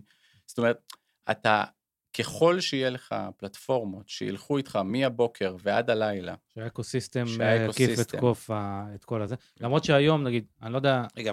פה בארץ, אבל רגע, באפל פיי עדיין יש את החברת אשראי בדרך. נכון, אבל אנחנו רואים דברים שקורים, לדוגמה, בפייסבוק, עם הרכישה שלה של נתח משמעותי מג'יו בהודו, מתוך מטרה שהם אומרים, בסוף אני, הודו היא מגרש המשחקים שלי, במובן שדרכה אני יכולה לפתח פלטפורמות שהמערב לא יאפשר לי. אה, אני רוצה היום, אני רוצה היום לחבר בין וואטסאפ לפיימנט, אני לא יכולה לעשות את זה בארצות הברית, כי הרגולטור יגיד לי, תקשיבי, את חברה שעושה לי עכשיו תקשורת בין אנשים, מה הקשר שלך ל... רגע, ואיך זה? מצליח? איך זה מצליח בעוד? אז זהו, כרגע זה התוכניות שלה, זה עוד לא, זה, זה עוד לא נכנס להלכה למעשה, אבל זאת התוכנית, זאת תוכנית האב שלה בעצם לה- להחיות את הליברה שדובר עליה, שדובר עליה בעבר. אה, אני מעריך שזה יקרה. בסוף הרגולטור האמריקאי, הישראלי, האירופאי, לא תהיה לו ברירה. אנשים רוצים נוחות, גם אם זה יעלה להם בחשיפת המידע לגופים נוספים, שהרגולטור אומר, אני רוצה פרטיות. אה, כמו שלא אז- נחזור, אז רגע, אז אז בואו רגע נסכם את המאסטרקארד וויזה, לא ברור איפה הם יהיו ב ecosystem חמש, עשר שנים מהיום. נכון, אגב, הם גם במכפילים נמוכים. הם לא במכפילים נמוכים, אבל אתה אומר, ה visibility ות שלהם להמשך היא ברמה יחסית גבוהה. זאת אומרת, אתה לא חושש שזה עומד לקרות מחר בבוקר, ומצד שני, אתה מעריך שאם השוק ישתנה, אז תהיה להם את היכולת הכלכלית לבוא ולקחת עכשיו חברה כמו סקוויר, לצורך העניין. אוקיי, אז- אז אוקיי, אז מאסטרקארד וויזה, אני שומע פה די ניטרליות, לא, לא, כאילו... אה, אתה יודע, תלוי אוקיי, במחיר. אז מה כן? אה, אחר כך, איזה עוד אזורים? אז אז? נרד עוד טיפה, כן. ואז, ואז, אוקיי. אה, ואז אה, ניכנס רגע לקרביים של החברות. אה, אחר כך יש לנו את פייפל וסקוויר, שזה החברות ה payment הטכנולוגי יותר, אה, על אף העובדה שהם בעצם מחברים את העולם של ויזה ומאסטר קארד אה, בצורה פשטנית יותר ופשוטה יותר. אגב, אפל לא מחברת בצורה פשוטה יותר? כלומר, במה שונה סקוואר, כאילו... בסוף, בסוף הם כולם יעשו אותו דבר, סקוויר ופייפל זה חברות payment. אה, אתה שומע אבל שהם מתחילים להיכנס לעולמות כן, אחרים. אבל שם הם, אה, אוקיי, אבל once אתה, והיה לנו את זה גם בהקשר שיחה של אנגרופ, אה, ונושא אחר. once אתה נכנס כבר לממד הזה, מהמם. אז כבר מתחילות לבוא אליך דרישות רגולטוריות אחרות. ריתוק הון ו- וכולי, אתה רוצה לתת זה הלוואות, אתה רוצה לתת. אה, אתה רוצה לתת כרטיס אשראי, אתה רוצה לתת הלוואות, אתה כבר צריך לפעול רגולציה אחרת. לא בטוח שרגולטור ייתן לאפל, בואי קחי גם רישיון בנק, למה לא? בואי קחי כבר, קחי כבר את הכל, כאילו. אז, אז לגבי אפל הסיכון זאת פה שאלה. נראה לי יותר כזה סיכון רגולטורי, הגבלים עסקיים וכולי, יותר ב- אגב, בעולמות האלה. זה- אה, אוקיי. לגבי אפל זאת, זאת שאלה מרכזית, אתה, אתה צודק במאה אחוז. לגבי סקוואר, אתה רואה שהיא מתחילה להגיד, סקוור בכיוון, אבל זה ה business שלה. זה ה business. כן, אבל אתה רואה שלמאזינים יישמע קצת מוזר מה שסקוואר עשתה לפני ארבעה, חמישה חודשים, אה, עם רכישה של חברה אוסטרלית. אה, יישמע להם מוזר אה, בתור ישראלים של אה, BNPL, buy now pay later. זה בעצם תשלומים, אני מגיע לחברת אשראי, לחברת אשראי ואומר לה, אני רוצה עכשיו חמישה תשלומים, זה בעצם מה שהם עושים. אז הם אומרים, אנחנו ניתן עוד כלים ללקוחות שלנו, שזה הספקים, שגם ככה כבר מרוויחים על זה שהם משתמשים בפלטפורמה שלנו, ומאפשרים להם מעטפת הרבה יותר גדולה להרוויח בזה שהם חוסכים המון כסף, אז זה הפלטפורמה השנייה, והחלק ה- השלישי והאחרון אה, זה בעצם סיפורי חיבור בין e-commerce, סיפורי חיבור בין e-commerce אמ, לפיימנט, ויש שני שחקנים גדולים, אה, הראשון הוא בדרום אמריקה, אזור שאמזון ניסה, ניסתה להיכנס יותר מפעם אחת, לה, אה, להתחיל למכור שם אה, מוצרים, ופשוט לא הצליחה לחדור לשוק, שזאת מלי, מרקדו ליברה. כן. אה, זאת החברה הראשונה, והחברה השנייה היא חברת C, שזו חברה שמשלבת בין gaming, payment ו e-commerce לדרום מזרח אסיה, שהוא האזור הצומח ביותר בעולם עד אזור 2050, זאת אומרת קצב צמיחת האוכלוסייה והעושר שם עולה בצורה משמעותית. איפה אמרת? אה, דרום מזרח אסיה. אה, עכשיו, שזה Sea Limited.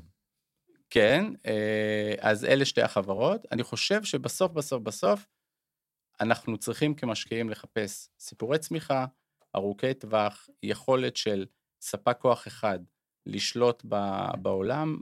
שני המקרים האלה, גם של מלי, גם של C, ירדו כ-40% מנקודת השיא שלהם. שניהם בעיניי סיפורים מעניינים גם ל- לשנים הקרובות. אה, שווה לבצע שם את המחקר, כל אחד את המחקר שלו. אז קודם כל כמובן נגיד שוב, לא כן, מדובר לא, בהמלצה, תעשו את הבדיקות שלכם. אה, אה, אז אה, אוקיי, סי ומלי, ואיפה זה... שם- אוקיי, ומה האחרון שרצית להגיד? זהו. האמת, שופיפיי, איפה זה שם אה, אותו? אה, שופי- שופיפיי אחד לא ירדה הרבה.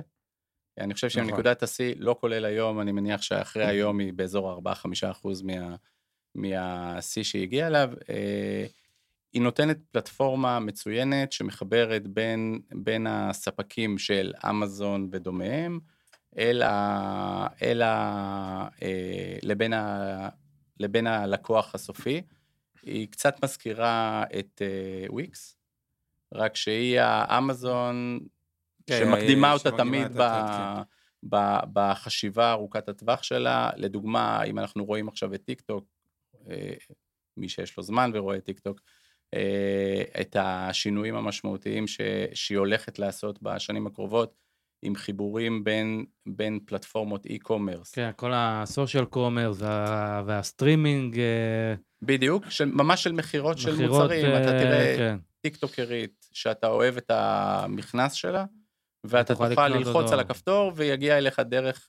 דרך אה, וולמארט או... סטרימינג קומרס כזה, מכירות. אה, לחלוטין. בסין, אז היא פשוט יודעת לחבר את, ה, את, ה, את אה, פלטפורמת ה e-commerce עם הלקוח על פלטפורמה של טיק טוק.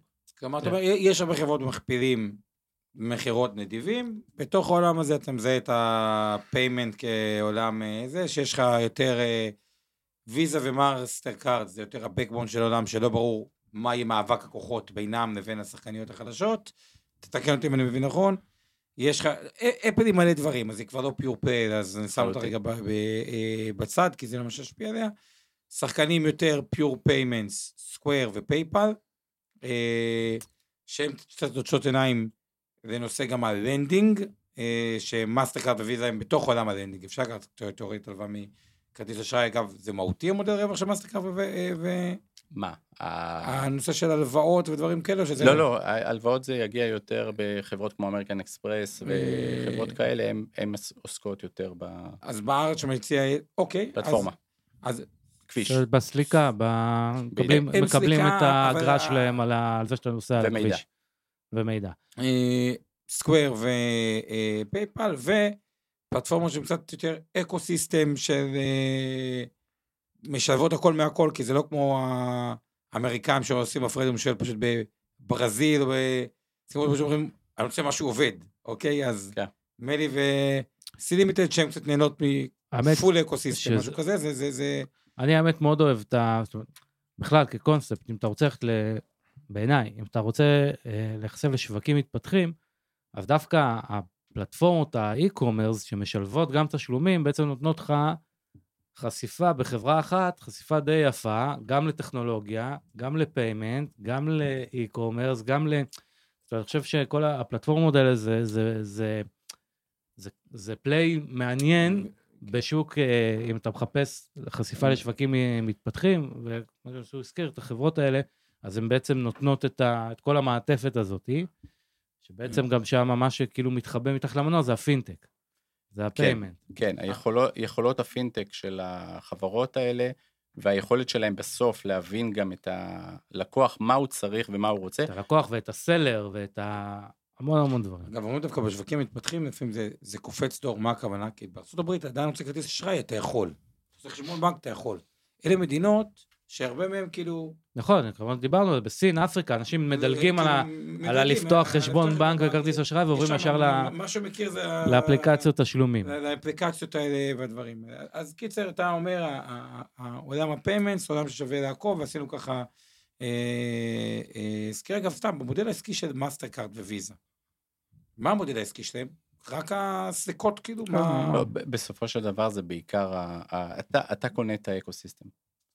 יש לך את הזכות לשבת על הפלטפורמה שלהם, הם, לא, הם מבצעים לך רק את ה... זה כביש אגרה, בדיוק. זה יוטיליטי, זה כאילו, ב- זה תשתית. בסוף, בסוף אתה נכנס לפייסבוק, לא בשביל המידע של פייסבוק, אתה נכנס לפייסבוק בגלל הפלטפורמה שהיא מחברת בין, בין הצרכנים שלו. אגב, ובארץ נגיד ישראכרט הוא...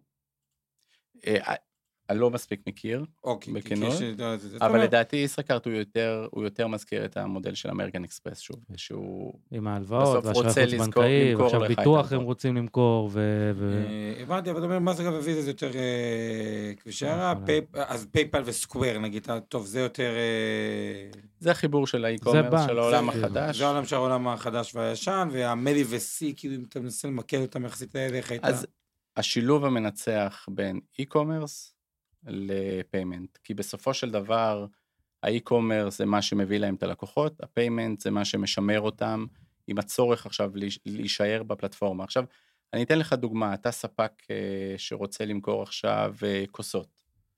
אה, אתה צריך, אתה צריך שיהיה לך הון נזיל כדי לקנות מלאי, כדי למכור ללקוחות שלך, אם אתה רוצה לצמוח. בסוף זה, זה מה. שמעניין אותך. הם גם יספקו לך את ההלוואות כדי שתבצע את הרכישות. הם יחברו לך את, ה, את הצורך שלך לכסף בריבית אה, מדושנת, אה, כדי, כדי ברור. שתצמח יחד עם, ה, עם החברה. ואז הם מרוויחים גם מצד ה e-commerce, גם מבחינת ה- הריבית שהם אה, זוקפים, ולך כלקוח אין את היכולת או את הרצון לברוח מהפלטפורמה. נכון, את ה... זה טוב. אגב, לגבי מאסטרקארד, שמענו פה תיאוריה מעניינת לגביהם, לפני כמה ש- שבועיים, משהו כזה, היה מנהל פה השקעות מחו"ל. המנהל השקעות מאנגליה, אולי הוא גם עבר אצלכם, אני לא יודע, אה, שדווקא בדק את שתי החברות, הוא גם יושב איתם, והוא דווקא אמר, אמנם ויזה היא ה number one, ומאסטרקארד number 2, אבל התיאוריה שלו הייתה שמהבדיקות שהוא עשה, מההיכרות שלו, דווקא מאסטרקארד היא הנהלה יותר דינמית, יותר חדשנית, המון שיתופי פעולה, גם ראינו שיתופי פעולה שלהם אה, אה, עם גוגל, יחד עם עוד איזה, אה, יותר רעבה להצליח. עוד איזה פלטפורמת קריפטו, עם, לא זוכר, נדמה לי עם באקט, באקט, עם באקט, BKKT הסיני. אה, ו, ומשקיעים הרבה יותר ב CapEx. מוויזה, אז סתם, כאילו לא... ו- ובנוסף לזה, אה, המעב- ה- ה- כשאתה מקבל החלטה לגבי מאסטר קארד וויזה, בהנחה וזה ה- זה הכיוון שאתה הולך אליו, אז אה, ויזה היא, היא אוריינטציה יותר אירופאית, עם, עם חשיפה גדולה יותר ל, לאירופה, אה, בזמן שמאסטר קארד היא, כמו שאתה אומר, יותר- היא חדשנית, אבל זה גם, זה גם התפיסה האמריקאית של אנחנו צריכים יותר לתפוס כמה שיותר market share.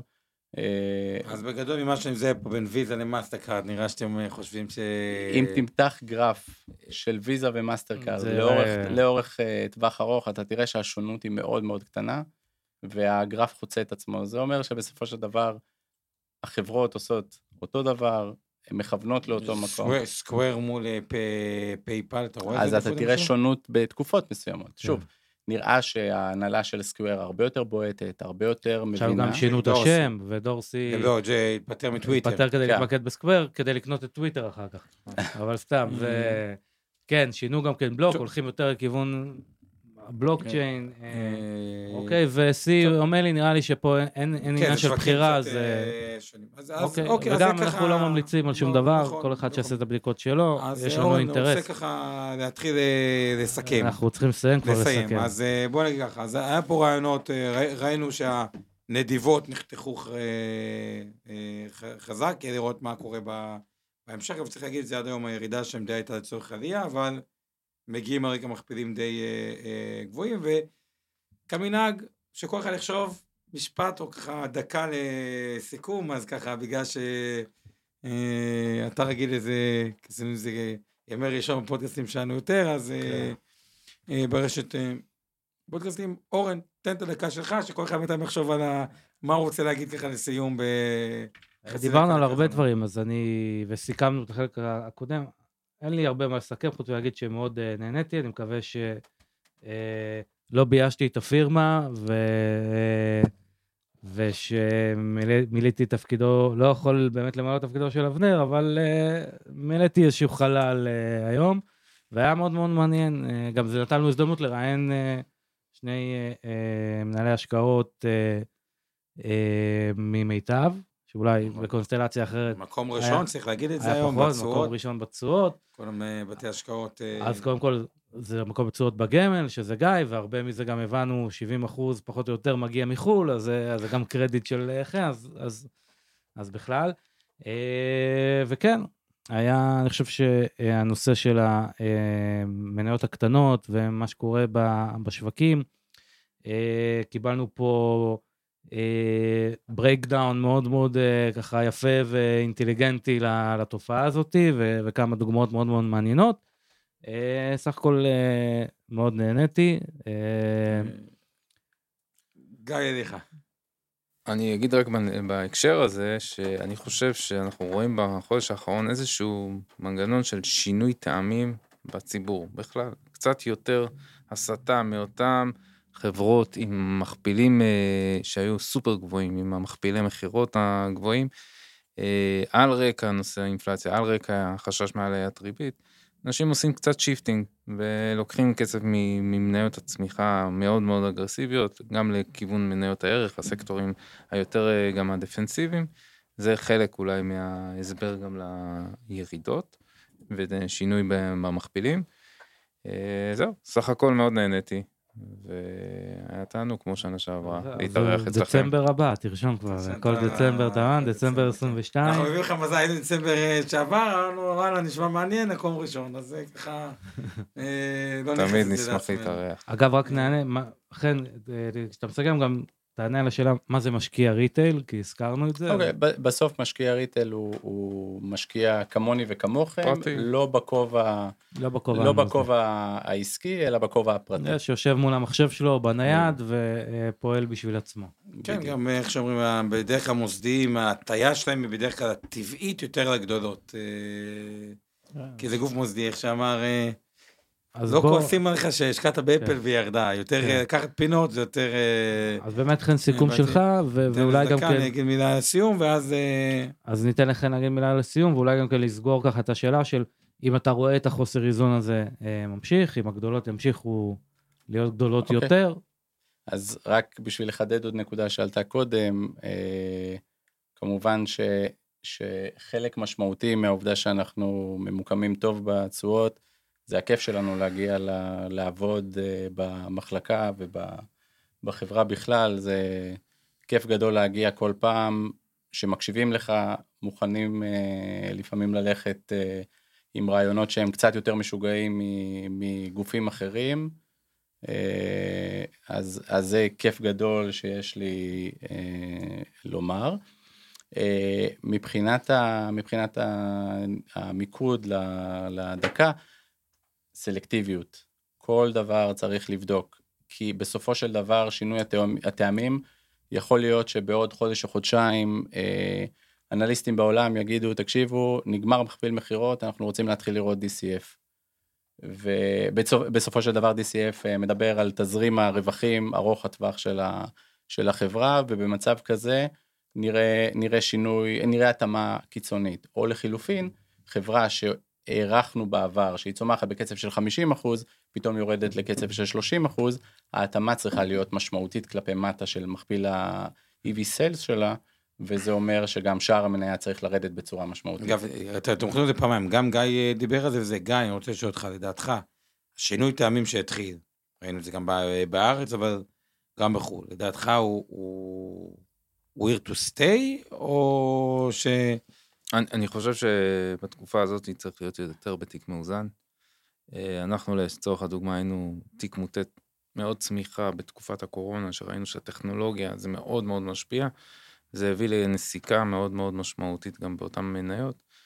ברגע שיש יותר אינפלציה, יותר נושא של אפשרות למדיניות מוניטרית מצמצמת, אין מה לעשות, זה הכל גם מתחבר למאקרו בסופו של דבר, אז אתה צריך גם לשים לב על הסקטורים ולבחור את הסקטורים הנכונים, והיום להיות בתיק יותר מאוזן ולא תיק יותר מוטה צמיחה כמו בעבר, זה המקום היותר נכון אה, להיות, ולפחות לראות לאן נושבת הרוח מבחינת האינפלציה והריבית. אני חושב שזה היה אחלה טיפ שקיבלתם פה.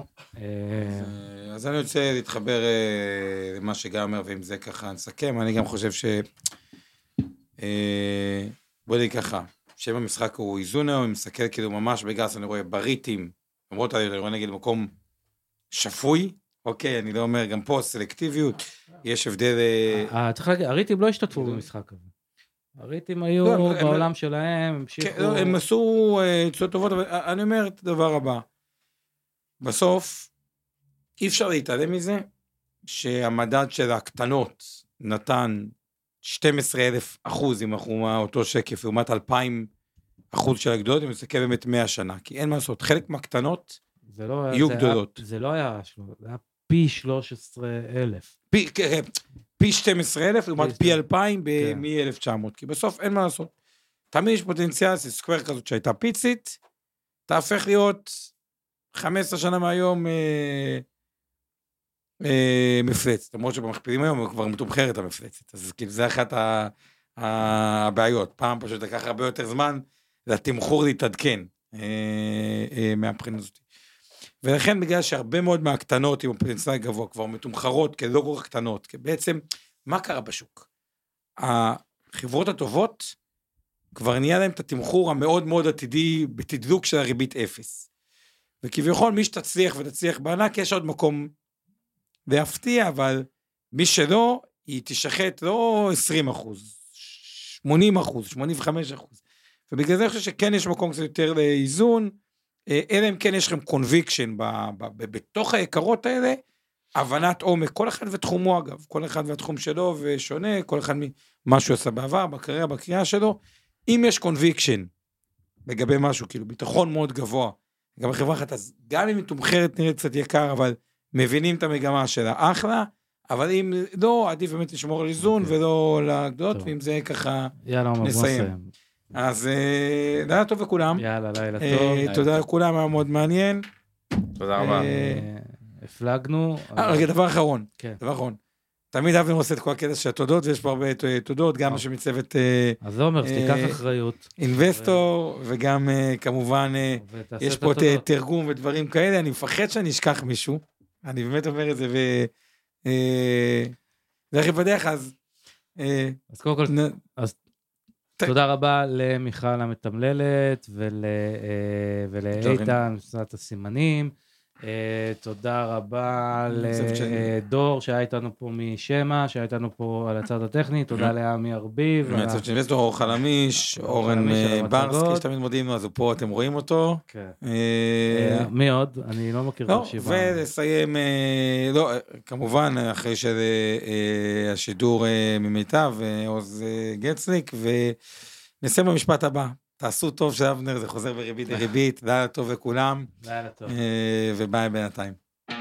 מוזמנים להאזין לפודקאסטים נוספים שלנו, המשקיענים, השקעות למתחילים, Investor Live וכסף חדש. הופק ונערך על ידי שמע, פודקאסטים ויצירות סאונד.